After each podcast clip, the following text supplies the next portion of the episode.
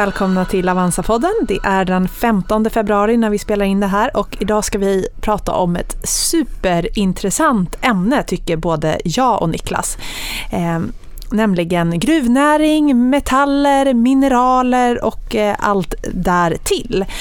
För det är ju så att omställningen till ett mer energieffektivt och ett koldioxidneutralt samhälle, det kräver ju ett enormt stort behov av metaller och mineraler. Och EU börjar prata om kritiska råvaror som är helt nödvändiga för vårt samhälle. Och de här råvarorna de utvinns till största delen utanför Europa.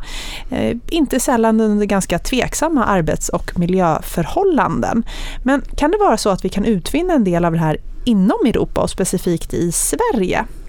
Om det och mycket, mycket annat ska vi idag prata med Erika Ingvald från Sveriges geologiska undersökning. Så välkommen hit Erika. Tack! Jättekul att ha dig här. Är det någonting som vi svenskar är duktiga på kan jag tänka mig som land. Det är ju naturtillgångar, naturresurser men man, jag tror att både jag och Johanna, eller jag får väl tala för mig själv, har lite, inte riktigt den kunskapen jag vill ha om det här. Det är så mycket man vill lära sig. Och det hoppas jag att vi kommer kunna få lite mer kunskap kring idag. Och kopplande till, till aktiemarknaden också, så är det många börsbolag som är beroende av insatsvaror för att förädla produkter som man säljer över hela världen. Och ibland, som Johanna ofta är inne på, så är det lite komplext och i den här värdekedjan. Och vi kommer få lära oss jättemycket om det idag, eller hur Johanna? Ja, men visst kommer vi få det. Och jag menar, när du sa det här att det är många bolag som är beroende av de här insatsvarorna. Det är bara att titta på, på vårt bord här, bordet framför oss nu. Tre mobiltelefoner, eh, en laptop, något slags ljudkort, eh, våra mikrofoner, allting, massa sladdar. Jag, jag kan ju tänka mig att det finns en hel del insatsvaror bara här. Ja, vi brukar säga ta på sig börsglasögon säger man mycket börsbolag där ute, men tar man på sig råvaruglasögonen eller glasögonen för metaller och mineraler, då kommer man in i Erikas värld. Men innan vi kommer in på det så börjar vi från början. Vem är Erika? Ja, jag är geolog eh, och jag är också journalist faktiskt. Eh, men jag, jag började som geolog och har jobbat eh, med, faktiskt från början med petroleumfrågor och så när jag var doktorand. Men sen eh, fanns det inga jobb och jag utbildade, för då sa man på den tiden, och det här var mitten på 90-talet, att gruvnäringen är död. Det kommer inte finnas några gruvor om 20 år. Så, och då fanns det inga jobb och, och, jag tänkte vad ska jag göra nu? Och då tänkte jag, jag tycker ju om att, eh, jag var ganska intresserad redan då av vetenskapskommunikation. Så blev jag journalist. Och så jobbade jag ganska, nej, mitt första stora reportage handlar faktiskt om gruvor.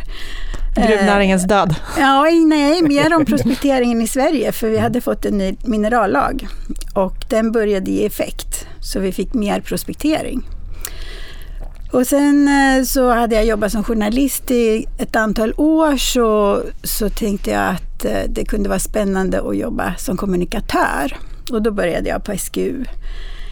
Eh, men jag var lite sådär hur det är att jobba på en myndighet. Det kan ju, jag hade ju ett jättebra jobb som jag hade men jag var ändå lite lockad och sen har jag aldrig faktiskt ångrat mig. Och så jag jobbade som kommunikatör i några år och sen började jag jobba under den tiden med med de här råvarufrågorna och nu är jag chef för en enhet som heter mineralinformation och gruvnäring. Men jag tänker innan vi går in på det, jag måste ändå bara backa tillbaka till början här när vi pratar om petroleumfrågor, mm. 90-talet. Hur är, jag menar, du har ju förmodligen ändå inte glömt din tid när du höll på med den här typen av frågor. Hur är debatten och diskussionen idag när det kommer till petroleum i jämförelse med då? Vad har hänt under alla de här åren? Det som har hänt är ju att eh, det, all, det här klimatarbetet har ju verkligen gett avtryck globalt kan man säga och man har förstått mer och mer hur viktigt det är med koldioxidneutrala tekniker och, och energikällor och så. Så idag så är det ju väldigt många oljebolag som också investerar i eh, forskning och utveckling i eh, eh, förnybara energikällor och även investerar i företag som jobbar med det. Så att, idag pratar man mycket mer om um, överallt skulle jag säga om det här att gå mot koldioxidneutralt från de fossila källorna. Mm. Mm.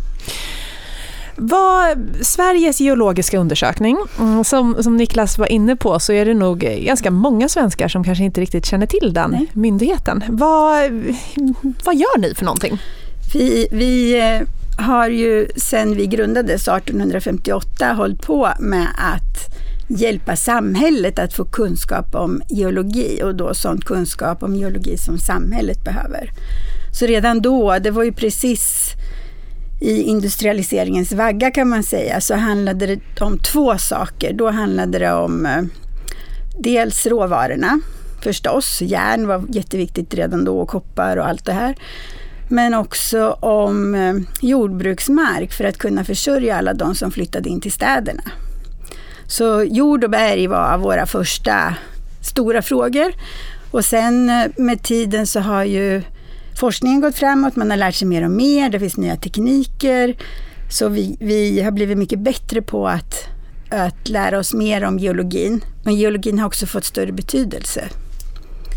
Så då var det kanske en handfull metaller eller två handfulla metaller som var superviktiga för samhället. Men idag är det ju nästan hela periodiska systemet.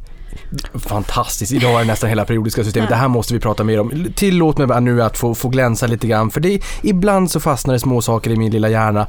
Sverige har ju varit världens största kopparexportör på 1600-talet, nu är det Chile. Ja. Och när du började med gruvor och sådär så sa vi att det finns ingen framtid för gruvor. Ja. Men koppar är ju en oerhört viktig metall för, för sin spridda industriella användning över hela världen, en massa olika applikationer. Hur, i, i din värld, hur, hur, kunde man säga en sån sak att vi, vi inte behövde gruvnäringen riktigt i, i framtiden längre? Vad, vad var det som föranlåg den synen? Ja, men jag tror att man tänkte då att eh, det var någonting som man fick ta hand om i andra delar av världen. Europa blev mer och mer högteknologiskt så man flyttade längre bort i värdekedjan från, från råvaruproduktionen. Eh, så det var en del. Och sen tror jag också att det fanns en vision då om att vi skulle klara oss på återvunnet material. Men det var inget man pratade mycket om då. Men jag tror mest att det handlar om att man såg att det var något som hände någon annanstans. Vi var lite högre upp i värdekedjan ja. och skulle fixa mer i finliret sen. Och där kan man ju titta på afrikanska länder till exempel som är duktiga på gruvdrift, att de vill ju diversifiera sin ekonomi. Och då blir kanske första steget smältverk och sen blir det mer och mer förfinade produkter. Mm. Kina har gjort samma resa, de gör det bara lite snabbare än vad vi har gjort. Men eh, det som har visat sig, så i början var det Europa som var den stora råvaruproducenten i världen. Nu är vi minst av alla världsdelar. Men det som vi också har lärt oss, och det kanske man har lärt sig ännu mer under den här pandemin, är att värdekedjorna är så sköra. Verkligen. Så om man en annan fråga som vi jobbar med på SGU, det är ju grundvatten. Som, mm. som jag har kollegor som är väldigt bra på det kom in lite senare i SGUs värld. Där, där är ju vi självförsörjande mer eller mindre på dricksvatten i Sverige. Och i många andra länder så, så, ser det inte riktigt samma ut. Men här är vi det. Och i norra hemisfären i mycket större utsträckning än på andra delar av jordklotet. Men metallerna, de är ju, det är ju en global marknad. Man kan säga att i en idealvärld så hjälps alla jordens länder åt att plocka fram de här metallerna som vi alla behöver. Och att man försöker plocka fram dem där det kanske är rikast malm eller av någon anledning går lättast att göra utvinningen. Men nu är ju inte världen perfekt och mm. värdekedjorna är ganska sköra. Ja, det är som du säger, det har, att, att, att man alltid hjälps åt och så, det, det, så är det ju inte riktigt. Det kan vi väl bara titta på vaccinet till exempel. Ja. Det, det har ju inte direkt varit så att man har delat med sig nej. broderligt och systerligt mellan världens befolkningar. Nej, nej, det drar väl ut liksom kanske lite sämre sida av mänskligheten när man ska kroka arm och hjälpas åt. Jag kommer från Boden och jag är uppfödd med, med de här malmtågen, 52 vagnar med de här malmpellets. Och så jag är ju jättenyfiken på, om jag ser svenskt stålbitar, vad säger du då? Ja. Nej, men... Jag... Vart kommer det här uttrycket ifrån? För jag menar, stålet kanske inte är likadant över hela världen. Vad, vad är det som gör att vi, vårat stål utmärker sig? Det är ju att eh, eh, det, det som vi säljer, det här skulle ni egentligen inte prata med mig om, det ska ni prata med kanske LKAB om, för de kan det här mycket, mycket bättre. Men den produkten vi säljer är ju förädlad med de här pell, grön pellet som man säger, som gör att de blir mycket bättre att använda i ett smältverk. Det, det, som jag har förstått det så går det till exempel åt mindre energi för att, att använda det här okay. Eh, råvaran. Och det innebär också att LKAB kan få lite mer betalt för sina pellets än vad man får för något råstål någon annanstans ifrån. Och det är det i sin tur som gör att vi kan ha eh, en av Europas djupaste gruvor och bryta järnmalm som ändå, järn är ändå en billig metall jämfört med många andra. Och sen beror ju det också på att eh, LKAB har varit extremt duktiga på att effektivisera sin och automatisera sin verksamhet. Så att eh, de, de tittar på allt. De tittar på hur ofta måste man byta däck på lastbilarna som kör på de här vägarna. Hur ofta måste man inuti gruvan? Hur ofta måste man asfaltera om? Och, alltså det är i detaljerna och då, då, då sparar man kostnader på ett sätt som gör att man kan kan ha en sån gruva. Det låter på dig som att vi är duktiga i alla fall. Vi ska, ja. vi ska, inte, vi ska inte mopsa upp oss för mycket kanske, men Nej. att vi är ändå, vi är ändå duktiga. Ja. Mm. Mm. Kul. Men vi ska gå in lite mer på vad vi kan och vad vi inte kan ja. göra i Sverige. Men innan det måste jag bara testa dig här Niklas, för du var inne på koppar nyss. Mm. och att Sverige hade varit världens största kopparproducent. Vet du vilket som kan sägas, eller ibland sägs vara världens äldsta aktiebolag? Eh, stora. Stora Kopparberg, ja mm. precis stora. Sen var det ju tydligen att man har hittat något i Kina som hade funnits i du vet, 7000 år. Men, men vi, vi satsar på att det är Stora Kopparberg i alla fall. 1300-talet om jag minns, minns rätt. Skönt att jag klarade det i alla fall, eller någorlunda i alla fall. Eh, Erika, er vision handlar ju om geologi för ett hållbart samhälle. Vad innebär egentligen geologi för de som inte riktigt är med på det och, och, och vad innebär den här visionen rent konkret? Det innebär ju att eh, man ska kunna dra nytta av, av naturen på ett sätt som, som är hållbart. Och då när vi pratar om hållbart så pratar vi om faktiskt både social hållbarhet, ekonomisk hållbarhet och miljömässig hållbarhet.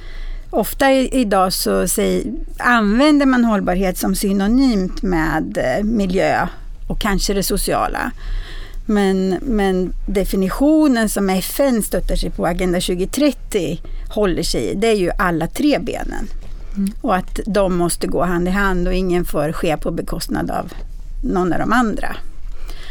Och då kan det ju handla om eh, hur, att, att man verkligen använder de här råvarorna som vi pratar om, att man kan använda grundvattnet eh, på ett sätt som, som eh, är hållbart ur alla de här tre perspektiven. Då. Men det kan också handla om att eh, man inte ska bygga bostadsområden på, precis på kanten på en älv eftersom det kan vara risk för ras. Och att man, vi undersöker då, eller mina kollegor undersöker vad det är för typ av geologi där och då kan de också förutsäga om, om risken för ras är större om man skulle belasta de här lerorna som det ofta är. Då. Det är ju inte hållbart, på, varken ekonomiskt eller socialt eller miljömässigt om hela flodbanken rasar ner i i älven till exempel. Det känns ju som att det här kopplar an på, på global uppvärmning och, och förhöjda havsnivåer och risken för att man, nu får du hjälpa mig med terminologin, men att man urgröper liksom jorden, att den kan raseras och att de här husen faller sönder och allt vad det kan tänkas vara. Ni, ni måste ju verkligen kunna stötta i den här typen av frågor. Ja. Och, och, också ta hjälp av andra myndigheter förstås. SMHI är ju som har koll på vad vi har för typ av nederbörd. De här, den här klimatförändringen så tyder det väl på att till exempel i Sverige så kommer vi få mycket mer regn. Och då kommer vi kanske drabbas mer av översvämningar och den här typen av jordar blir väldigt blöta och då blir de mycket lättare att eh, rubba om det skulle bli vibrationer från en väg. Eller, ja. Så det, det är ganska intrikat pussel faktiskt både förebygga för klimateffekter som kan bli eh, och eh, hindra att de uppstår. Och anpassa sig. Och, och bromsa det här mm. koldioxidutsläppet. Så det är en ganska lätt fråga att ställa men den har väldigt många svar som alla är lika relevanta skulle jag säga. Mm.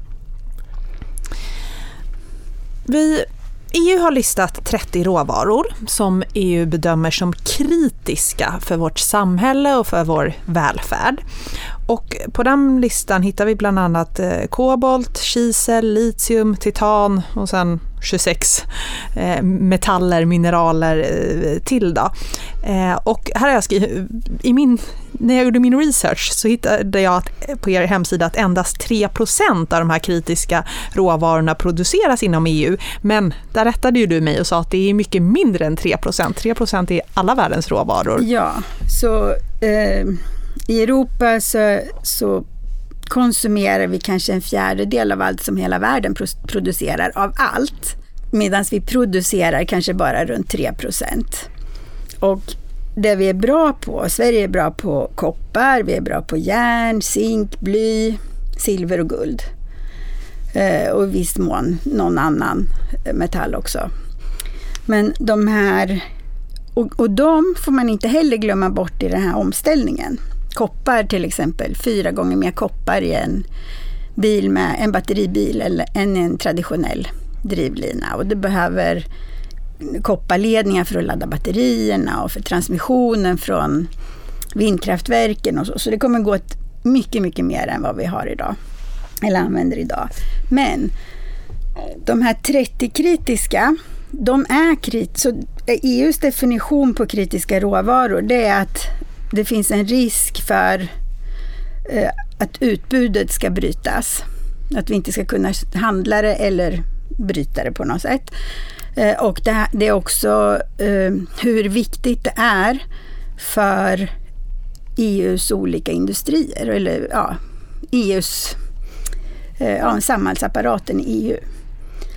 Eh, så, så det är det som gör dem kritiska. Och eftersom vi inte bryter nästan någonting av dem i Europa, mm. Alltså, då kanske vi är nästan nere på noll. Det låter som vi är ganska utsatta. Ja. Men hur mycket skulle vi kunna bryta? Ja, eh,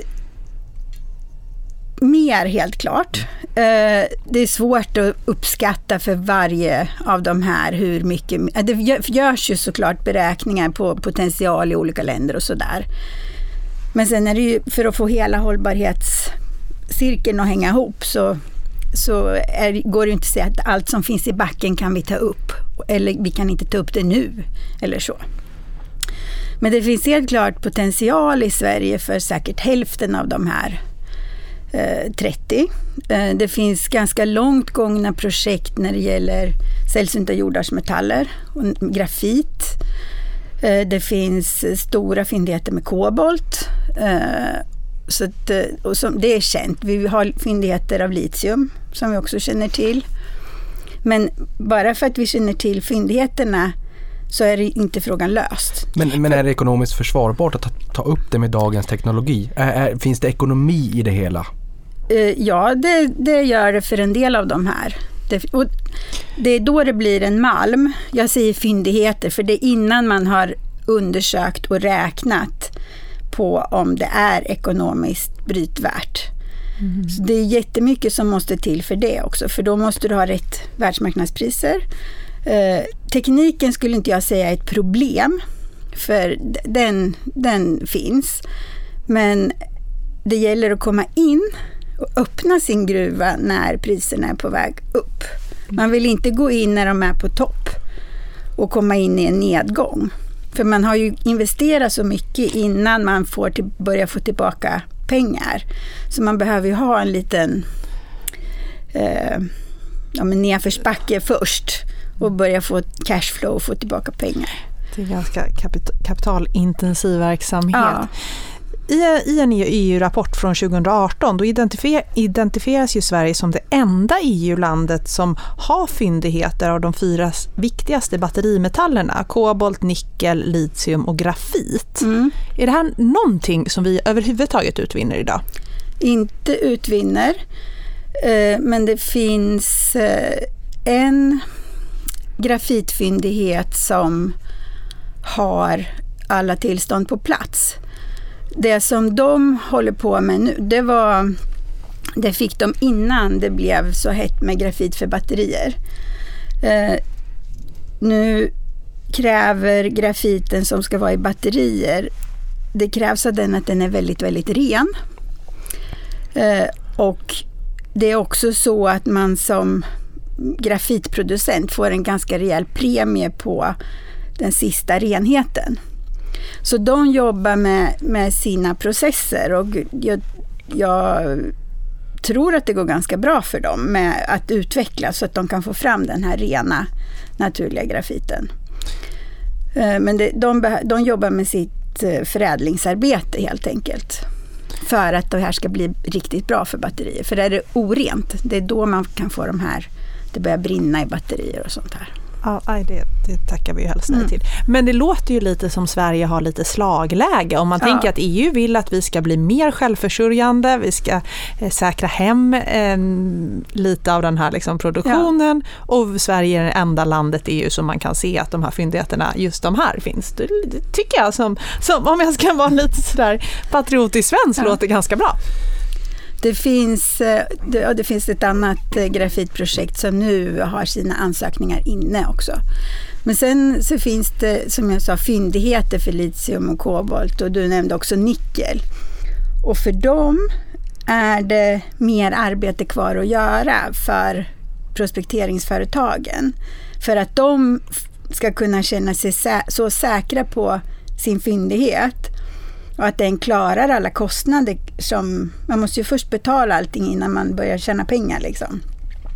Så den måste klara att bära sina miljökostnader och alla in, andra investeringar som måste till. Eh, och för att, de måste också ha koll på att fyndigheten är så stor att det räcker ett antal år. Eh, sen brukar man normalt ha säkrat upp kanske 5-10 år, men sen har man ju kunskap tillräcklig för att veta att det finns mer att prospektera. Men det är dyrt också så man försöker ta det i portioner. Hur är det med priserna, råvarupriserna på de här, den, den här typen av råvaror? Om hela världen är mer och mer beroende av det mm. så borde det ju bara gå uppåt. Det, det vinglar fram lite grann faktiskt. Det är inte spikraka kurvor rakt uppåt. Och eh, det man eh, det handlar både om vad det finns för utbud och vad det finns för efterfrågan såklart. Eh, utbudet på kobolt har minskat lite grann eller förväntas minska för vissa stora koppargruvor kommer stänga. Eh, så då, då är det en sån där kanal ut där det brukar komma kobolt som inte finns kvar längre helt enkelt. Så då när det blir känt då går priset upp lite grann och sen märker man att jaha, i pandemin då kommer inte det här riktiga omställningen riktigt igång, då går det ner lite grann. Jag tror ni vet mycket bättre än jag marknadens förväntningar, hur mycket de styr. Liksom. Ja, men... men... på lång sikt så räknar man med att priset kommer att öka och efterfrågan eh, kom, är på väg upp helt klart. Men, men, det här är ju jätteintressant för jag menar elektrifieringen är ju här för att stanna och mm. den kommer ju förmodligen öka än mer och vi har ju en utmaning med elektrifieringen i samhället i stort. Mm. Så det här tänker jag, koppargruvor, om Sverige var den största kopparexportören globalt på 1600-talet och Chile är det idag i, i modern tid. Men jag har också lärt mig att en koppargruva från en idé och, och, eh, en skiss till att den är färdig att börja utvinna kan ta en 8 till 10 år. Mm. Eh, hur, är det många tillstånd? Är det många som är i startgroparna nu för koppargruvor med tanke på att efterfrågan rimligtvis bör öka framledes? Tänker du i Sverige eller tänker du globalt? Ja, främst kanske Sverige men även i Europa då där vi idag är lite dåliga på att vara självförsörjande. Uh, jag vet inte om man kan säga att det är många som är på gång. Uh, jag vet att Boliden jobbar ju aktivt med att utveckla sina projekt. Uh, den största, Aitik är ju Europas största dagbrott och där jobbar de ju Eh, med att utveckla den fyndigheten. Kan du bara förklara vad dagbrott är? Ja visst, ett dagbrott är ju när man gräver ett hål i backen helt enkelt. eh, uppifrån. Så att man kör ner i gruvan från markytan och det blir, ju djupare man bryter desto större blir det här hålet. Och sen har vi underjordsgruvor där man kanske borrar en hiss ner och eh, åker ner den vägen. Man har inte malmen ligger uppe i ytan längre. Mm. Nå någonting annat som jag blir lite nyfiken på också. Det är så att du pratade om sällsynta jordartsmetaller. Mm. Det här har varit en bricka i spelet mellan USA och Kina, i handelskonflikten. Vi har eh, halvledare eller semiconductors på engelska som är oerhört viktiga. De chippen här för allt möjligt från bilar till telefoner till, till paddor till datorer till tv-spel, konsoler och nu ser vi en global chipkris i bilindustrin. Här har ju Kina sagt som jag har förstått står för ungefär 80% av output när det kommer till sällsynta jordartsmetaller att aha, vi skulle kunna dra in det här i, i konflikten. Nu är ju inte en lika eh, det, det, är inte lika mycket av en konflikt kanske som det var innan pandemin. Men Sverige och sällsynta jordartsmetaller, vi har alltså den möjligheten att kunna bli en viktig spelare här. Har jag förstått det rätt då? Ja. Uh, nu, jag vet inte om ni har hunnit se det, men det är ett jättestort projekt på gång nu att utvinna sällsynta jordartsmetaller ur eh, avfallet från järnmalmsproduktionen. Eh, och då är det ur det här avfallet som produceras nu som man tänker sig det. Och då är det, eh, kom, har man kommunicerat att det kommer täcka 30 procent av EUs årliga behov. Åh herregud, Johanna pratar om slagläge. Det här ja. är ju ett jätteslagläge. Och där är men man måste också gå in och titta på, för de här sällsynta jordartsmetallerna är ett antal metaller. Så det, det, är vissa av dem som, som är särskilt aktuella där. Men det, det är verkligen, tycker jag, ett bra exempel på hållbarhet. Att man eh, plockar ut någonting ur det som i, förut skulle ha blivit ett avfall. Man tänker sig också göra eh, Eh, vad heter det, mineralgödsel av fosforn som kommer ur där. Så det tycker jag är ett jättebra exempel. Och det, där... Eh, jobbar man också nu med process, för det kommer bli ganska komplex process med många outputs. Eh, men sen så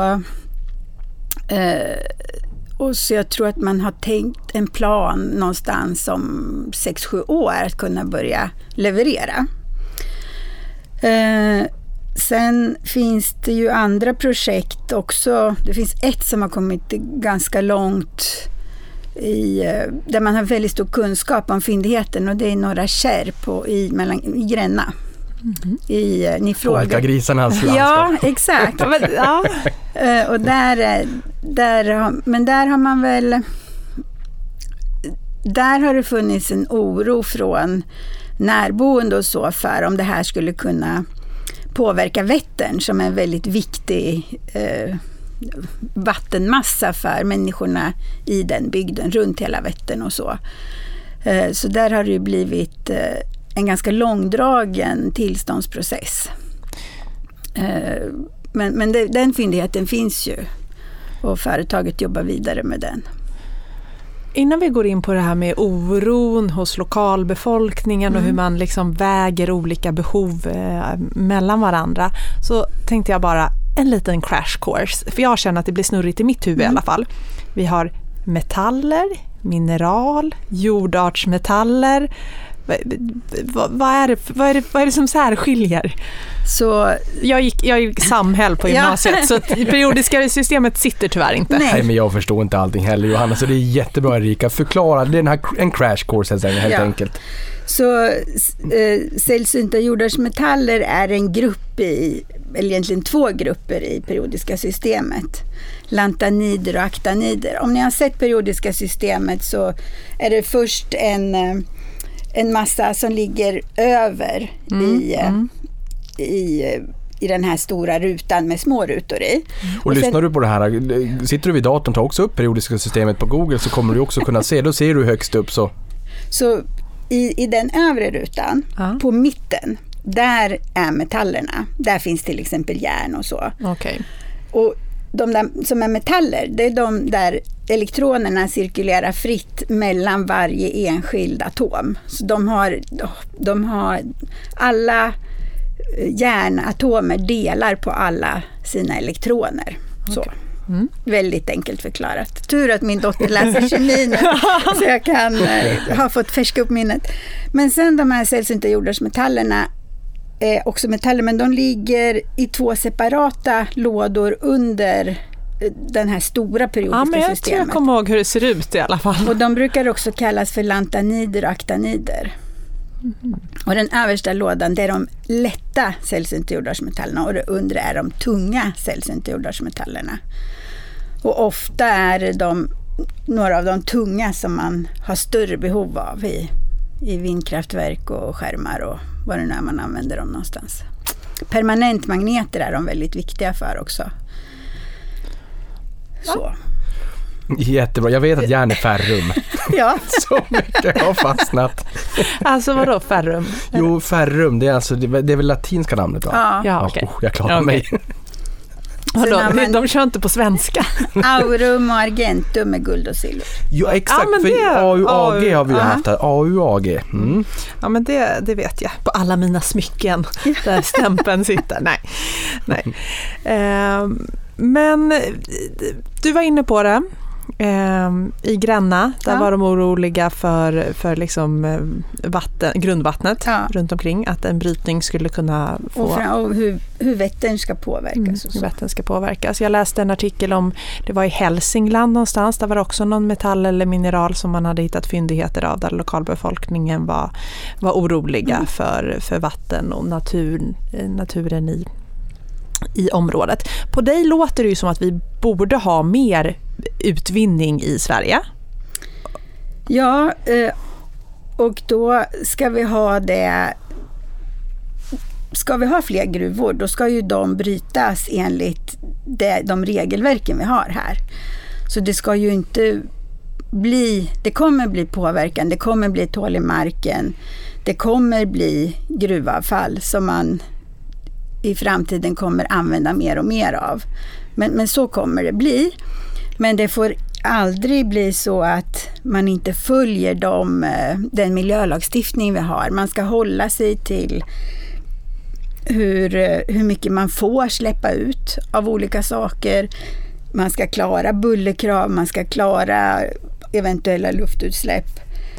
Så, så att det ska inte bli någon Klondike utan regler. Det är väldigt viktigt att komma ihåg. Men har vi strängare regler, bättre regler än, än många andra delar av ja, världen? Ja, det har vi. Eh, och så att om utvinningen ska ske så kanske den kan göras håll, på ett hållbart sätt? Ja, jag tror inte det finns Med planethatten på så att säga? Ja, jag tror att det inte finns... Eh, vi, så, vi har några konkurrensfördelar. Vi har ju en väldigt bra energimix. Man behöver ju använda energi också för att driva en gruva. Men redan det är en fördel. Vi har stränga regler och väldigt god kunskap så att vi kan klara att uppfylla de reglerna. Och sen ut, håller hela gruvindustrin, eller hela gruvklustret som vi ibland pratar om med de här stora företagen, Epiroc och uh, Sandvik och ABB, Ericsson och en del andra små och medelstora företag samarbetar ju för att utveckla det här ännu mer. Och eh, de samarbetar också för att göra själva gruvdriften eh, koldioxidneutral. Så man jobbar med elektrifiering i gruvan till exempel. Det här är ju jättespännande. Ja. Alltså Epiroc är ju en avknoppning och särnotering från Atlas Copco. Ja. De är ju oerhört duktiga på att elektrifiera alla de här tunga ja. fordonen. Och dessutom, jag ska hålla den här utsvävningen kort för det är, ju, det, det är ju du som är intressant här Erika, inte jag. Men man kan alltså flytta operatören från fordonet in i en sambandsledningscentral. Man opererar inte ett fordon, man kan operera 20-25 fordon samtidigt. Jag lyssnar på en investerarpresentation oerhört fascinerande alltså vad, vad, teknologin kan leda till. Och då minskar ju också risken för de människorna som jobbar i gruvan. Eh, att de ska eh, på något sätt eh, hamna i en olycka eller så. så eh, men också det här när de elektrifierar fordonen. Så lustigt nog så kan det, om man elektrifierar, då tänker jag att nu kommer det gå åt jättemycket el. Och det gör det ju. Men det intressanta är att det kan bli så att det går åt mindre el i en underjordsgruva som är elektrifierad än i en som inte är det. Därför att i underjordsgruvan måste du ha jättemycket ventilation. Och det här att lyfta luft kostar jättemycket energi. Jättebra poäng. Mm. Ja, så att, För det eh, blir inga utsläpp, det är inga Nej, dieselfordon som står och exakt. släpper ut en massa skit, eh, rent ut Nej. sagt så att säga. Och sen med fiffig styr och reglerteknik, då kan du låta ventilationen gå där du har sprängt. Då vill du lufta bort eh, spränggaserna om du måste komma in med människor där. Då, då kan du köra ventilationen just där och just då när du behöver det. Istället för att stå och pumpa dygnet runt. Så att den här eh, styr och reglertekniken som jag, när jag gick i gymnasiet då tror jag det var det tråkigaste man hörde talas om att man kunde lära sig något om. Men det är egentligen väldigt sexigt för att Ja. det, det är en del i det här pusslet. Och, och man, det går inte att säga, man, man kan liksom inte bara vad ska man säga? Vifta bort det. Vifta bort gruvor och så. Det är så otroligt intrikat och de är så otroligt duktiga på att utveckla de här gruvorna på ett bra sätt. Man brukar ju prata om att mycket av vår teknik som vi använder idag så där, kommer från em, rymdindustrin. Mm. Och när man, men här låter det ju också lite som, i alla fall i ett svenskt perspektiv, att, att eh, mycket av liksom innovationerna sker i, inom gruvnäring Ja. också, om man tänker mycket av den här tekniken och så. Ja, och de här svenska storföretagen som vi var inne på, de har ju vuxit och blivit världs, världsledande i symbios med gruvnäringen. Inte för alla sina innovationer naturligtvis, men Ericsson utvecklar ju 5G tillsammans med gruvföretagen. Så man kan ha ett, eh, ett eh, välfungerande kommunikationssystem under jord där man också kan hålla reda på alla maskiner och människor och allting i realtid. Så, och, och då har man har ju vi som är ovan jord och långt från gruvan stor nytta av det också. Så att det, och det ska ju tåla de tuffaste förhållandena, precis som rymdindustrin, eh, alla de grejerna ska, ska klara de här tuffa miljöerna. Ja, det är oerhört intressant. Både 5G men och telematiken, alltså Mm. kommunikationen mellan, mellan olika eh, maskiner och att det, det händer väldigt mycket där. Jag måste bara fråga, är din bild av att vi, vi ändå lägger mycket eh, kraft och energi och pengar inte minst på innovation och utveckling i, i våra eh, svenska, möjligtvis även europeiska bolag inom gruvindustri? Ja, definitivt. Bolagen satsar ju väldigt, väldigt mycket på det. Eh, De statliga satsningarna är inte jättestora, men, men eh, Skulle du vilja se större satsningar från statligt håll för att kunna eh, tillsammans eh, få den här hållbarhetsdiskussionen ännu bättre, ännu snabbare? ja, eh, det är alltid lätt att säga att det ska vara mera pengar.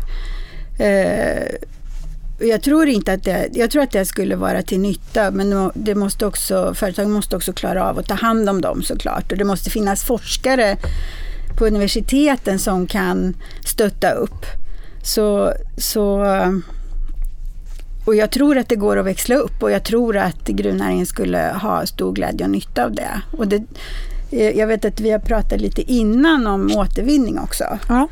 Och där, där finns det ju också oerhört mycket att göra. Och ja, men nu gör LKAB det som de gör med eh, det här REMAP-projektet. Eh, Boliden återvinner ju väldigt mycket elektronikskrot.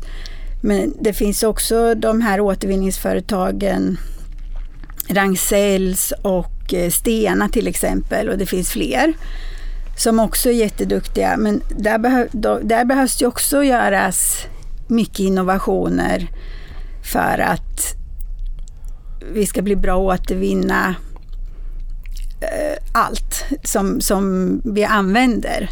Som vi, det som vi slutar använda snarare. Att vi ska bli bra på att återvinna det.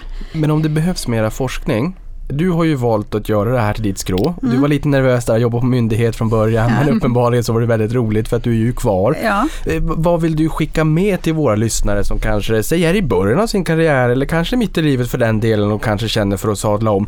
Varför ska de, em, eller liksom, vad är ditt bästa medskick till att de kanske ska hitta till det här? Jag tror att det här är en framtidsbransch. Nu säger jag mot mina lärare för 20 år sedan. De hade ju uppenbarligen helt fel. Eller 30 år sedan kanske det är nu. Men det är ju spännande. Och det är så många aspekter som gör att det är spännande. Och det är tekniken och teknikutvecklingen, nyttan som de här eh, råvarorna gör när de kommer upp ur backen, att de kan återvinnas om och om igen tekniken för det. Allt det där är fascinerande nog i sig och, och det här med prospekteringsgeologerna som faktiskt hittar de här malmerna, det är superspännande. Men sen är ju också den här interaktionen med, med samhället och här i Sverige bara och med alla de som på något sätt berörs av de här frågorna. Eh, men också i EU är det en jättestor fråga och det är en jättestor fråga i FN. Eh, och det är väldigt många länder i världen som är med och bidrar på olika sätt. Och det är väldigt många länder i världen som eh, vi skulle kunna bidra till att eh, industrin där var under bättre förhållanden. Så det finns, man kan jobba med nästan vad som helst. Inom det här? Inom det här så kommer man hamna i en jättespännande värld skulle jag säga. Jag, jag tycker det låter superspännande. Nu, nu tror jag inte mina kunskaper alls är i närheten av att jag, att jag skulle kunna sadla om, men det låter väldigt spännande. Hem och kolla på det periodiska systemet. Ja, men det kommer jag faktiskt göra. Det har jag redan tänkt här, att jag ska googla direkt efter. Men hur ska man då hantera den här frågan som ju ändå ehm, en gruva, ehm, utvinning, det påverkar människors närmiljö. Mm. Det finns skilda intressen. Man kanske har sin personliga hatt på, att jag vill inte att det ska ske i mitt närområde, i mina vackra strövområden här. Eh, med en Sverigehatt på så kanske det är eh, otroligt bra för, eh, för jobben, för ekonomin. Och med världshatten på så handlar det faktiskt om att få tillgång till de här råvarorna som ju är kritiska. Mm. Men ni jobbar ju med de här frågorna. Mm. Hur, hur hanterar man de här skilda intressena? Och ändå, hur mycket hänsyn kan man ta till privatpersoner så att säga? Ja, eh, jag tror inte det finns någon, ja, ska, man ska aldrig säga aldrig, men det är väldigt få länder i världen som har en lagstiftning där privatpersoner har ett veto mot en gruva. Eh, och det beror ju på att det är så svårt att hitta den där fyndigheten som går att utvinna. Man vill ju inte att gruvprojekt ska gå med förlust och gå i konkurs. Eller, de, de ska ju vara de ska ju blomstra för att kunna bära de här kostnaderna, för att kunna bära man vill inte att de ska gå i konkurs och lämna en jättemiljöskuld efter sig. Nej, det ska, det ska vara värt det. Liksom. Det ska vara värt det. Eh, så, så, det, så är det. Men de, de är så viktiga för samhället. Så därför har de en eh, i alla lagstiftningar en särställning, liksom vägar har till exempel. De här stora infrastruktursakerna eh, som har en, lag, en särlagstiftning. Och det, grejen är den att vi kommer inte få en gruva i varje trädgård, för det är så sällsynt. Så, och det kommer bli vissa ställen där det behöver vara en på. Men det är en otroligt liten del av Sveriges areal som, där det pågår gruvverksamhet. Så, så det, jag tror att om, om man kan eh, om, om folk verkligen kan känna och förstå det och förstå samtidigt hur viktigt det är så, så tror jag att då har man ett bättre utgångsläge till, som, som en start. Eh, det kommer alltid vara så att det är någon eller några privatpersoner som kommer behöva acceptera att det blir en förändring. Och då måste man försöka göra det så bra för dem som möjligt. Mm. Eh, så så jag, jag, tror inte att det går att lösa... Ibland när vi pratar om demokratifrågor så då brukar vi diskutera det här att en demokrati är inte att alla ska få det precis som de vill samtidigt man måste jämka intressen och jag tror att det är likadant med gruvorna. Mm. Har vi varit eh, bra på att jämka de intressena i Sverige eller vi, har vi varit lite för eh, restriktiva? Jag tror att vi var bättre förr. med risk för att låta lite dum. Nej men jag tror att um, så som jag har fått det berättat för mig i alla fall av, av gamla kollegor och så, så så som lagstiftningen var riggad förut så byggde den mer på ett samförstånd. Idag bygger det mer på en konflikt. Mm. Att, eller snarare så här, det bygger på att någon måste vinna. Okay. Så det finns en, in, in, liksom en inbyggd funktion som gör att det måste bli en vinnare och då måste det ju samtidigt också bli en förlorare. Jag tror att många av de här sakerna går att lösa i samförstånd om man har de verktygen. Jag vet så. att min farfar fick sälja det, marken till vår släktgård på 60-talet för det skulle gå en väg där mm. ny, i Dalarna utanför Borlänge, mm. en riksväg. Och då hade han sagt lite så här att ja, jag kan ju bråka och hålla på i några år men det kommer ju ändå bli så här. Och ja. det, vad är, vår, vad är vår lilla åker och sätta emot här faktiskt. I Bolange, men då, men då tänker man ju både Falu koppargruva och Sala silvergruva och allt vad det är. För de som känner så här, ja men man kanske vill ha lite gruvturism och lära sig mm. lite mer nu när Erika berättar om det här. Finns det några roliga gruvor? Jag menar, det närmsta jag har kommit tyvärr det är väl kanske Atlas Copcos grova då i Sickla. Jag har åkt ner halvvägs i alla fall. Det är lite fuktigt där nere också men, men om man vill ja, se en gruva i verkligheten, har du något tips där? Ja men Falun är ju ett jättebra ställe att börja på. Eh, men sen finns det ju Sala silvergruva, jättefint. Eh, sen finns det ju eh, i Kiruna så kan man ju faktiskt åka ner i gruvan också. Nu tänker jag, jag vet inte hur det är just nu i pandemin. Jag Sala vet jag har stängt nu. Ja, men, eh, men, men, annars så, så finns det ju, och jag tror också att zinkgruvan i Askersund har ordnat så att man kan göra besök. Eh, åtminstone har ett gruvmuseum tror jag.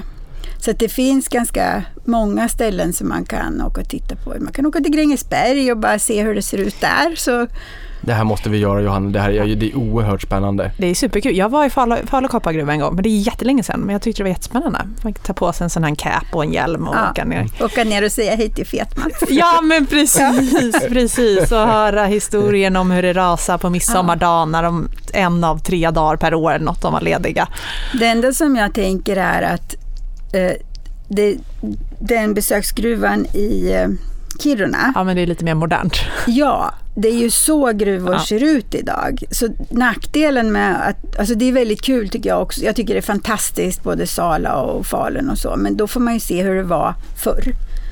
Eh, och så är ju inte gruvor idag. Så det ska man väl ha med sig om man åker dit som besökare. Att idag är det ju, alltså säkerhet tror jag är viktigare än någonting annat för för gruvindustrin. Nu har vi pratat om lite gruvor i stora delar av landet. Innan vi började eh, inspelningen här så pratade vi om var finns gruvorna? Och, um, vi, vi, fick, vi, fick, lite vi fick bakläxa. Bakläxa. Jag vet inte om ditt norrländska självförtroende fick sig en törn. För vår, vår tanke var ju att det, det, de här fyndigheterna och gruvorna, det, det finns i Norrland. Det är gruvor. Ja, jo, men det finns ju där. Så är det ju. Men vi har ju tre kända malmdistrikt i, i Sverige. Och då är det ju Norr och Västerbotten, alltså Skelleftefältet och Malmfälten. Men sen har vi ju Bergslagen där jag kommer ifrån. som är liksom Sveriges vagga när det gäller gruvor och så. Eh, och där har vi också några gruvor. Med eh, både koppargruva och eh, zinkgruva. Och Lovisa-gruvan ligger där också, en liten gruva. De kan se väldigt olika ut också. De kan vara jättesmå och de kan vara jättestora. Ja, Lovisa-gruvan har vi väl ändå ett bolag också på börsen. Men jag tänker Västerbotten, är det eh, gulddistrikt? Ja. Varför då rent geolog? Varför fick de den lotten? Ja, det handlar ju då om geologin, hur den är. Och det, det är väl en nu var det så länge sedan jag kollade på den kartan, men det, är, det har varit vulkanisk aktivitet där. Och nu pratar vi alltså två miljarder år sedan ungefär. Ah, så för länge sedan. Um, så, och då, när, det, när man har vulkaner, då får man, de är ju varma och så är de ofta, då, där har det ju varit havsvatten runt omkring. Och så får man en cirkulation av det här havsvattnet ner i jordskorpan runt vulkanerna så här. Som celler som, med vatten som cirkulerar. Och då, om det i eh, berggrunden där runt vulkanen finns guld, så i, i, under vissa tryck och temperaturer så kommer det där guldet lösas upp när den här varma vätskan kommer. Och sen någon annanstans då blir det lite kallare kanske och då fäller guldet ut. Och då, då de, den typen av processer hjälper till att anrika naturligt olika metaller. Finns det möjlighet för, för oss att hitta ytterligare eh, metaller att anrika? Alltså hur växer det periodiska systemet någon gång? Jag tror att det, man har nog hittat det mesta som förekommer. Jag tror att man har hittat det mesta som förekommer naturligt. Sen har det ju upp, dykt upp vissa, eh, när man har kört sådana här stora, ja, vad det nu kan, Heilong, vad heter de, Hadron Collider, de här stora, jättestora forskningsgrejerna när man speedar på olika Ja, vad heter den nu då? Det här partikelacceleratorn? Ja, man har, man har hittat eh, kortlivade partiklar när man har gjort eh, forskning i stora forskningsanläggningar med sådana här stora maskiner. Eh, men jag tror att allt som förekommer naturligt på jorden har man hittat idag. Sen vet man ju inte om det finns något annat någon annanstans i någon annan galax eller sådär. Men Finns det någon metall som, eller jordartsmetall eller ja, ni fattar, mineral, produktgrej, som, som, som man känner att det här är på väg att faktiskt ta slut? Uh, nej, så det gör det inte. Men frågan är, handlar mer om att det ska vara i tillräcklig koncentration. För att det ska vara värt att? För att det ska vara värt att utvinna ekonomiskt och till minsta möjliga miljöpåverkan och sociala påverkan. Men det finns ju, det finns ju alla metaller finns ju överallt, eller alla grundämnen finns ju i små mängder lite varstans. Så man kan inte riktigt säga att det håller på att ta slut någonting. Sen finns det en annan sak med det där att Geologerna brukar säga att vi har hittat alla ytliga fyndigheter. De där som var lätta att hitta, de har vi hittat. Men vi, så vi behöver, och det, är också lite det här med teknikutveckling och forskning. Vi behöver kunna gå djupare. Behöver bli LKAB och gå djupare. Ja, vi behöver, och alltså gruvan uppe i Kiruna är ju inte särskilt djup om man tittar på internationellt. Mm. Det ja, för att vara järnmalmsgruva. Men, men det finns ju gruvor som är både två och tre kilometer djupa. Så det, går, det finns ju saker där nere. Men de ska vara värda att plocka upp då också. Och man måste ju komma på att de är där. Och man börjar ju inte så djupt utan man börjar ju lite högre upp. Liksom. Eh, på tal om hållbarhet och hållbarhet i utvinning och sådär. Har du några exempel på inom Sverige när det har bedrivits verksamhet som i era ögon inte har varit hållbar? Där ni har gett rekommendationer och sagt mm, nej, inte den här gången. Det, det, det, här är inte, det här blir inte bra. Eh, jag tänker på Svärtträsk och Blaiken som sen också gick i konkurs. Eh, och som sen staten har lagt in ganska mycket pengar i att efterbehandla. Eh, där eh, hade man inte för det första inte tillräckligt mycket kännedom om den här fyndigheten när man drog igång. Och eh, jag tror att man också överskattade dess eh, rikedom eller vad man ska säga. Och sen hade man dessutom jättestora problem när man skulle anrika. Så där, där vet, det var ju för, långt före min tid på SGU men jag vet att det var eh, kollegor till mig som sa att det här var nog ingen bra idé. Men det här var länge sedan? Ja, det var, ja, det var ju på ändå på 2000-talet. Okay.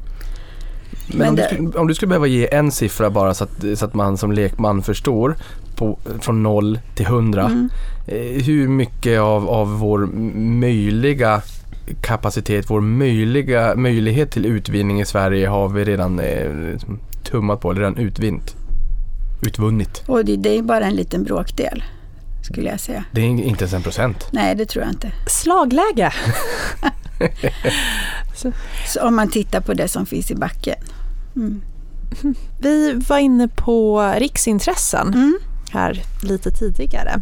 Och eh, rennäringslagen är vad jag, rennäringen är vad ja. jag har förstått ett riksintresse. Ja. Men det är inte det enda Nej. riksintresset. Hur arbetar ni med det här? Eh, så SGU är en av de här riksintressemyndigheterna. Det finns ett helt gäng eh, som pekar ut riksintressen. Och det är enligt eh, tredje, fjärde kapitlet miljöbalken som man gör det. Och det finns, eh, finns det elva olika kategorier tror jag. Och några av dem är för eh, eh bevarande och andra exploaterande. Eh, och eh, det riksintresset som SGU är ansvarigt för, det handlar om, det kallas för värdefulla ämnen och material. Och det kan vara de här eh, metallfyndigheterna, det kan vara eh, kalksten, det kan, vara, det kan även vara eh, material som behövs för ballast och sådana saker, vägbyggen, natursten, den typen av, av material. Och vad det handlar om, hela det här riksintressesystemet är tänkt att användas som eh, hjälp till beslutsfattare när de ska fatta beslut om markanvändningen. Så det är inte alls ovanligt att det ligger flera riksintressen på varandra. Och det är precis så som det ska vara och som det är tänkt att fungera. För att när vi pekar ut våra riksintressen, då gör vi det för att tala om för de här beslutsfattarna, det kan vara en länsstyrelse till exempel, eller ja, att ja, men, om ni fattar beslut att, att dra en Europaväg här, då ska ni veta att ni bygger bort möjligheterna att utnyttja den här fyndigheten i framtiden. Mm. Eller tvärtom. Alltså, mm. Så de, eller, precis. de ska kunna ta informerade beslut med ja. liksom alla fakta på bordet? Ja. Så det är inte så att ett riksintresse trumfar eh, de andra riksintressena? Nej. Men, men, du pratade tidigare här om hur viktigt det här är för eh, globala ekonomier, för olika ekonomier med, med export av eh, råvaror. Hur viktigt är det här för svensk ekonomi? Både, menar, vi är ju en liten öppen exportberoende nation, men både exporten av, av eh, kanske oförädlade råvaror, men även alltså, de produkterna vi säljer på den globala marknaden där vi har haft råvaror som insatsvara i produktionen. Hur viktigt skulle du säga att eh, utvinningen och ditt skrå är för svensk ekonomi idag? Ja men eh, svensk gruv och metallindustri står för jag skulle säga 14. Fjol, så viktigt är det. Det står, tror jag, senaste siffran jag hörde så står det de två tillsammans för 14 procent av exportvärdet. Eh, och då har vi inte räknat alltså. med, eh, ja, och då är, har jag inte tagit med de här eh, eh tooling company, alltså Atlas Copco och, eller Epiroc och eh, som är viktiga underleverantörer? Ja, och som själva har, liksom, är världsledande eh, och har störst marknadsandelar inom sina fält globalt. Så det är, det är viktigt helt enkelt. Och det är, en av, det är ju en av Sveriges basnäringar så det, det har stor betydelse. Ja men det är ju sånt här som är intressant med, med spännande gäster här i podden, att vi får lära oss sånt här. För att annars finns det ju en risk att det här flyger under kunskapsradarn. Ja men det, det är super, super intressant. Eh, så när, när man, eh, man kommer hit, eller det här kanske vi skulle tagit i början, men nu tar vi det nu. Vad händer? Alltså, det är ju liksom inte Kalle Karlsson som står och gräver i sin trädgård och känner att oj, här kanske det finns lite koppar. Utan hur går hela processen till? Från, från ax till limpa, från det att man börjar fundera på om finns det någonting här mm. till att man har en färdig gruva eller ingen alls. Då, då brukar det börja med Uh, och det, där är Sverige likt många andra länder också, att det finns en geologisk undersökning som har kartlagt berggrunden. Ni? Vi, mm. uh, mina kollegor. Uh, och då vänder man sig till den och i vårt fall ofta till Malå, vårt kontor i Malå. Eh, för att få veta mer om geologin och man kan få tips om, ja, men man får till exempel veta att ja, men det är ju Malmfälten och Skelleftefältet och Bergslagen, det är de historiskt heta. Eh, men så här ser geologin ut här, ja men vi letar efter det där och då, alltså jag tror vi har har vi 20 000 poster i en databas där vi vet att det finns, någon har hittat någonting. Så vi kan alltid liksom, ja men där, då vet vi ingenting om några mängder eller sådär, men vi vet att man har sett saker i alla fall. Så de brukar börja komma till oss och, och, diskutera och berätta vad de är intresserade av och så kan vi ge dem lite tips vart de kan, och så får de titta i allt vårt material. Alla kartor och rapporter och allting och alla nya kartläggningar vi har gjort. Och sen bestämmer de sig för att jo men det här området, det tycker vi är intressant. För det passar med vad vi, allt vi kan och vad vi vill leta efter och sådär. Och då vänder man sig till Bergsstaten och ansöker om ett undersökningstillstånd. För det måste man ha för att få prospektera i Sverige. Och eh, då är det ganska lätt att få undersökningstillstånd i Sverige, brukar folk säga. Och om man tittar på de mineralpolitiska målen, alltså målen för den här lagstiftningen, så är de satta så därför att det är så himla svårt att hitta den där fyndigheten. Så det ska vara lätt att prospektera. För att sen få börja göra någonting ute i naturen, då måste man också ha ett arbets, eh, en arbetsplan. Och den måste man stämma av med, eh, saker, med markägare och med eh, an, lite, ibland kan man behöva lite andra tillstånd. Man behöver kanske det finns saker man behöver Man kanske behöver fälla ett träd och då är det anmälningspliktigt och då behöver man ta den dialogen med Länsstyrelsen. Man behöver ha kanske undantag från terrängkörningsregler, också Länsstyrelsen. Så man måste iterera fram den här arbetsplanen och få den fastställd. Sen får man börja göra saker i naturen. Men, men ju, men att göra de här sakerna i naturen, jag blir så nyfiken här. Jag menar, ingen kommer ju vilja säga jag vill prospektera här borta och sen råkar jag hitta guld och då säger markägaren tack tack. Ja.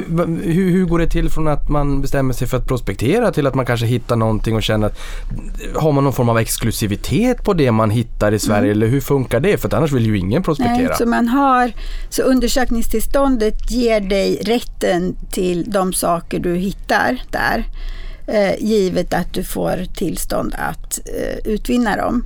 Men du har också eh, första king på den här koncessionen sen.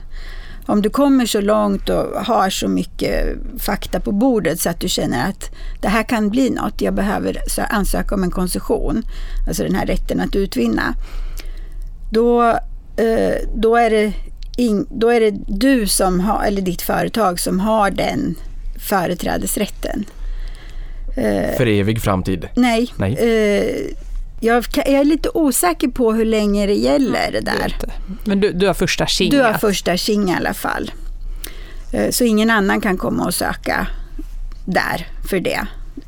Utan det är du som kan göra det. Och sen så ansöker de om den här koncessionen och det är då man bestämmer markanvändningen också. Är det här ett lämpligt ställe att ha utvinning på eller är det något annat som går före?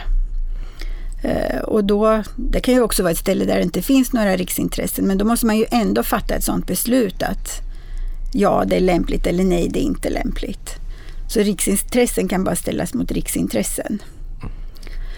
Eh, och då så säger vi att man får en koncession eh, och alla tycker att det var bra, det blir inga överklaganden eller sådär. Då behöver man också ha eh, ett miljötillstånd.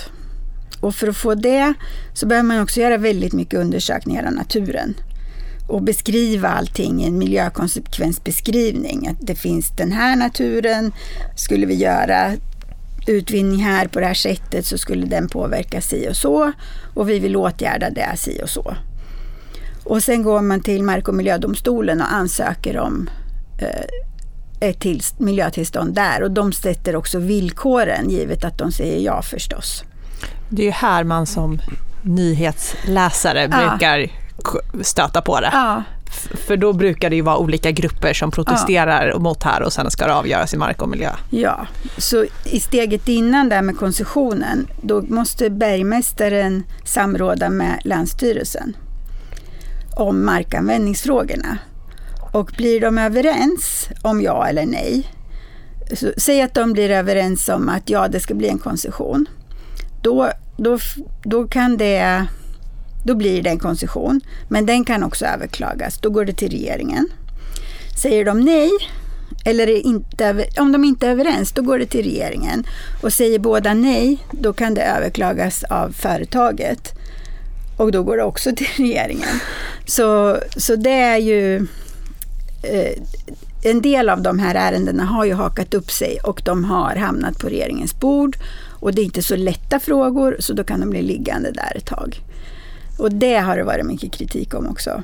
Mm. Eh, så, ja. Och sen, sen kommer det här med miljöprövningen och då har ju enligt miljöbalken eh, också miljöorganisationer som har funnits en särskild tid och har ett särskilt antal, minst ett särskilt antal medlemmar rätt att överklaga också. Vid sidan av markägare och om det finns några andra sakägare. Då. Det är något av en process. Det är en process och det, det är, den är lite vinglig och det finns ju utredningar nu för hur man, hur man ska förbättra den processen, inte bara för den här typen av för gruvärenden utan hela miljöprövningen. Eh, men det, det man kan ändå säga att som är bra med den, det är att eh, det är en demokratifråga att kunna få vara med och påverka sin sin miljö och så. Så fort man eh, pratar om koncessioner så tänker jag ju direkt på Ivar Kryger och det är 20-tal eller 30-tal där i början och det var koncessioner på tändsticksförsäljning över hela världen. Ett stort knippe svensk industrihistoria. Men någonting annat som är mer modernt nu för tiden som inte var på 20-30-talet, det är digitaliseringen. Mm.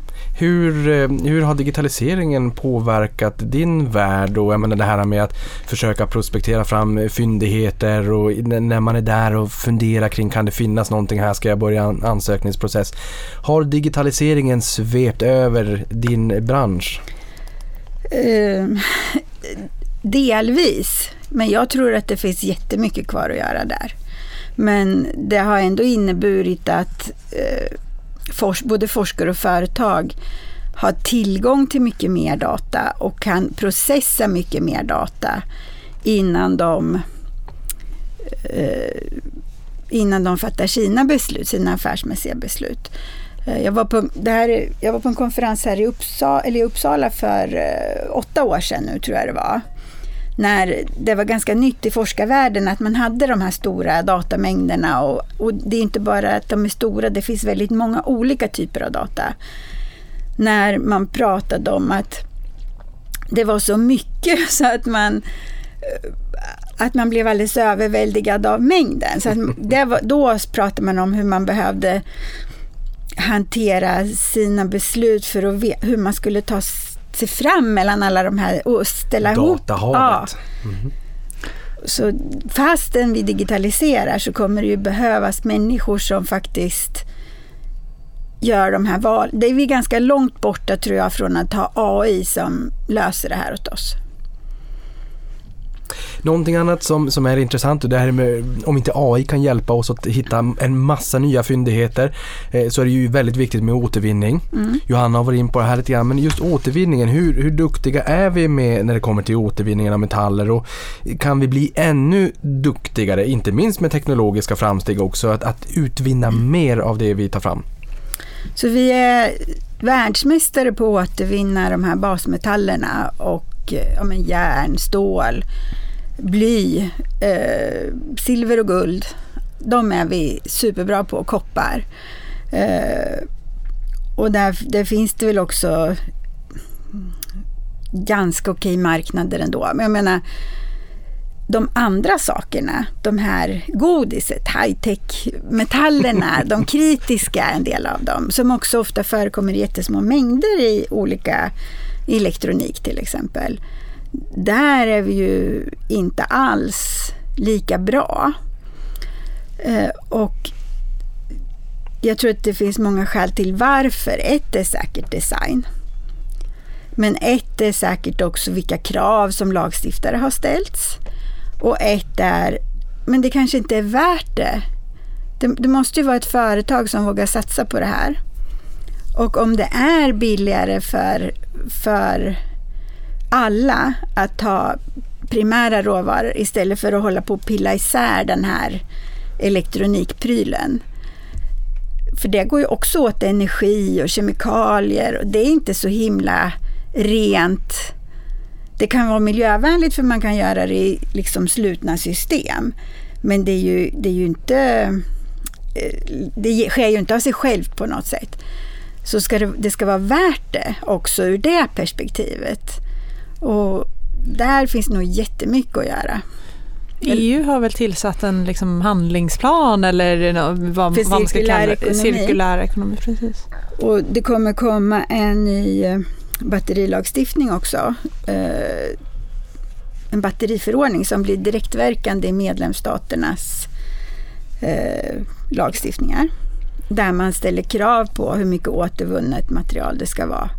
Av olika typer av kobolt och nickel och litium och sådär. Nu har vi en fråga här som eh, jag och Johanna var på en konferens här i början på förra året måste det ha varit. Där man pratade om grafen och fördelarna med grafen och att det skulle kunna revolutionera om man var i startgroparna och sådär. Eh, ja, jag vet inte mycket mer än vad jag ska fråga än det. Om jag säger grafen, vad säger du då?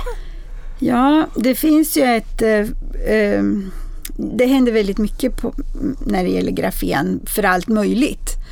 Och eh, det finns ett företag, eh, prospekteringsföretag som är aktivt i Sverige som letar just grafit.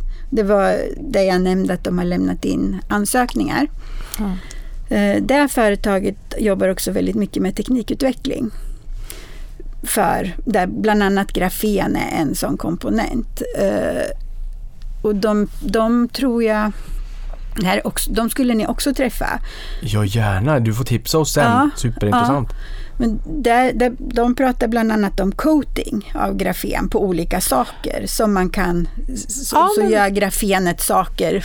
Och du var ju på den här konferensen. Ja, man satte på, på, på kläder, Ja. alltså som ett tryck liksom. Ja. En stämpel. Johannas tröja, bara att den, Och sen- den är ju batteri. Och sen lägg din telefon bara på tröjan så laddas Ja. den. Ja, Ja. men så det, det, det är ju ett sånt där ämne som är hett på många olika sätt, inte bara i batterier. Grafen, grafit. Mm. Någonting annat som vi är lite nyfikna på som vi har varit inne lite kort på det är ju grundvattnet. Det här kom ju lite senare. Det här har ni kanske inte jobbat med från första början. Du sa att det kom lite senare. Vad behöver vi känna till kring grundvatten? För nu de senaste åren så har vi ibland blivit varse. Använd inte för mycket vatten. Nu kanske man inte ska duscha jättemycket och sådär. Nu är det lite brist och så. Vi är ju inte vana med det där riktigt. Nej. Men har ändå hört det lite grann senaste åren. Hur jobbar ni kring grundvatten och vad, vad är det viktigt för oss att känna till? Eh, vi har ju övervakning, eh, så via vår hemsida så kan man följa situationen från vecka till vecka. Vi har haft ett jättestort regeringsuppdrag för att genom en punktinsats under några år lära oss ännu mer och bygga, upp lite mer infrastruktur kring kunskapen om grundvatten. Eh, när det blev brist på grundvattnet så var det för att det blev eh, brist på nederbörd vid fel tid av året kan man säga. Det behövs eh, snön som, som lägger sig under vinterhalvåret. Den smälter sen av och rinner ut i bäckar och sen fyller den på grundvattenmagasinen. Och vi hade några år när det var väldigt dåligt med snö. Så det, det fylldes inte på ordentligt. Och det var beroende på hur klimatet utvecklar sig så kan vi ju få många fler sådana vintrar. Tidigare om åren då har, då har de inte kommit då har de kanske kommit med längre mellanrum eller det har ändå kommit tillräckligt under en vinter för att fylla på ordentligt och så. Även om det har varit lite lågt. Men de där åren, då var det alldeles för lite snö. Och då blev det brist. Och det var, först blev det väl brist i de här små magasinen. Och då är det en miljon hushåll i Sverige som har egen brunn. Okej. Så det är de som, som först får problem. Det var mycket, en Ja. miljon hushåll. Ja, Det vet jag sommaren 2018 när det var så varmt. Så kommer jag ihåg att jag läste Ja. ett stort uppslag i Svenska Dagbladet om att eh, borr, de som borrade brunnar hade aldrig haft en bättre Nej, högkonjunktur än den sommaren. precis. Det kommer jag ju också ihåg när du säger det. Just det. Så, så då, och då handlar det ju om att också att det grundvattnet som finns, att vi ska se till att det inte blir förorenat. Såklart. Och det gäller ju all industriell verksamhet och vägar och allt sånt där. Men andra utmaningar då på kort och lång sikt för Sverige? Finns det någonting annat vi ska vara, inte kanske oroliga för, men ett varningens finger bara att har vi några utmaningar? Ja, Jag tror att vi, vi ska ta de här sakerna på allvar med, med både ett koldioxidneutralt samhälle, på sistone har jag jobbat jättemycket med batterivärdekedjan. Det är ju inte bara den vi behöver. Ni har ju också jättebra koll på det här med att det håller på att byggas upp en ny basindustri i Sverige egentligen med batteritillverkning och, och celltillverkning. Och det kommer behöva sina råvaror. Så hela den värdekedjan. Men ska, ska vi ha någon nytta av batterierna, då måste ju de kunna laddas. Så det måste finnas eh, laddinfrastruktur. Det måste sen också finnas eh, någon typ av grön el från solceller eller från vindkraft. Det är också ganska mycket markanvändning eller kärnkraft. Ehm, och det finns ju utmaningar. Så energifrågan tror jag är den stora, stora utmaningen. Om Extremt vi politiskt laddad verkar ja, den vara också. Så stor utmaning, superviktig och eh, som jag förstår det så, så i södra Sverige nu så begränsar ju den hur Sverige kan utvecklas. Så den är ju verkligen, och tittar man bara på, eh, tittar man på Europa, och det här vi pratade om i början med bilindustrin, det är 15 miljoner jobb det handlar om ifall inte EU klarar av den här omställningen till elbilar. Utan, för vi har, tror vi har en fjärdedel av den globala marknaden för bilar med vanliga drivlinor. Och bara 3% för elbilar. Vi behöver ju ta, ta våra marknadsandelar där. Men då behöver vi ha batterier till de bilarna. Och för något, jag kommer inte riktigt ihåg när det var, men för inte allt för länge sedan, då stod det 80 000 bilar i Europa och väntade på batterier. Åh oh, herregud. Som, så, så det är, och sen tror jag, det är ju också många som säger att vi måste eh, tänka på hur vi beter oss, hur mycket vi använder.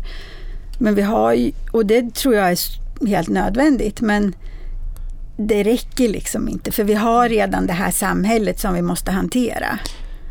Så vi, vi måste få en bra övergång och, och, i den övergången också se till att bli mer resurseffektiva på alla sätt. Men ni pratar ju en del om, om koldioxidlagring också. Mm. Vad är det för någonting? Det, jag ska bara säga det att det blir nästa avsnitt också som vi ska prata om yes. CCS-teknik och koldioxidlagring. Erika, nu när det blir nästa tema för nästa avsnitt som Johanna har, har hon har liksom, det här är en helt skol, en utbildningsserie nu här. vad, vad riktigt är det här för någonting och vad ska vi fråga nästa gäst om så vi, så vi känner oss lite pålästa? Uh, ni kan fråga om nästa gäst tror att det finns möjligheter att lagra i Sverige. Eh, ni kan fråga om eh, vad som är de största utmaningarna. Om det är den här infångningen eller om det är lagringen eller ja, mm. så. Spännande. Det blir också väldigt spännande men det här har varit ett oerhört spännande avsnitt måste jag säga. Jättelärorikt, superspännande. Tusen tack för att du gästade oss Erika. Det var jätteroligt att vara här. Tusen tack för att du kom hit och för de som vill lära sig mera, Sveriges geologiska undersökning, in på er hemsida. Där finns det mycket kunskap. Tusen tack för att du kom hit. Tack så mycket. Och tack för att du lyssnade på det här.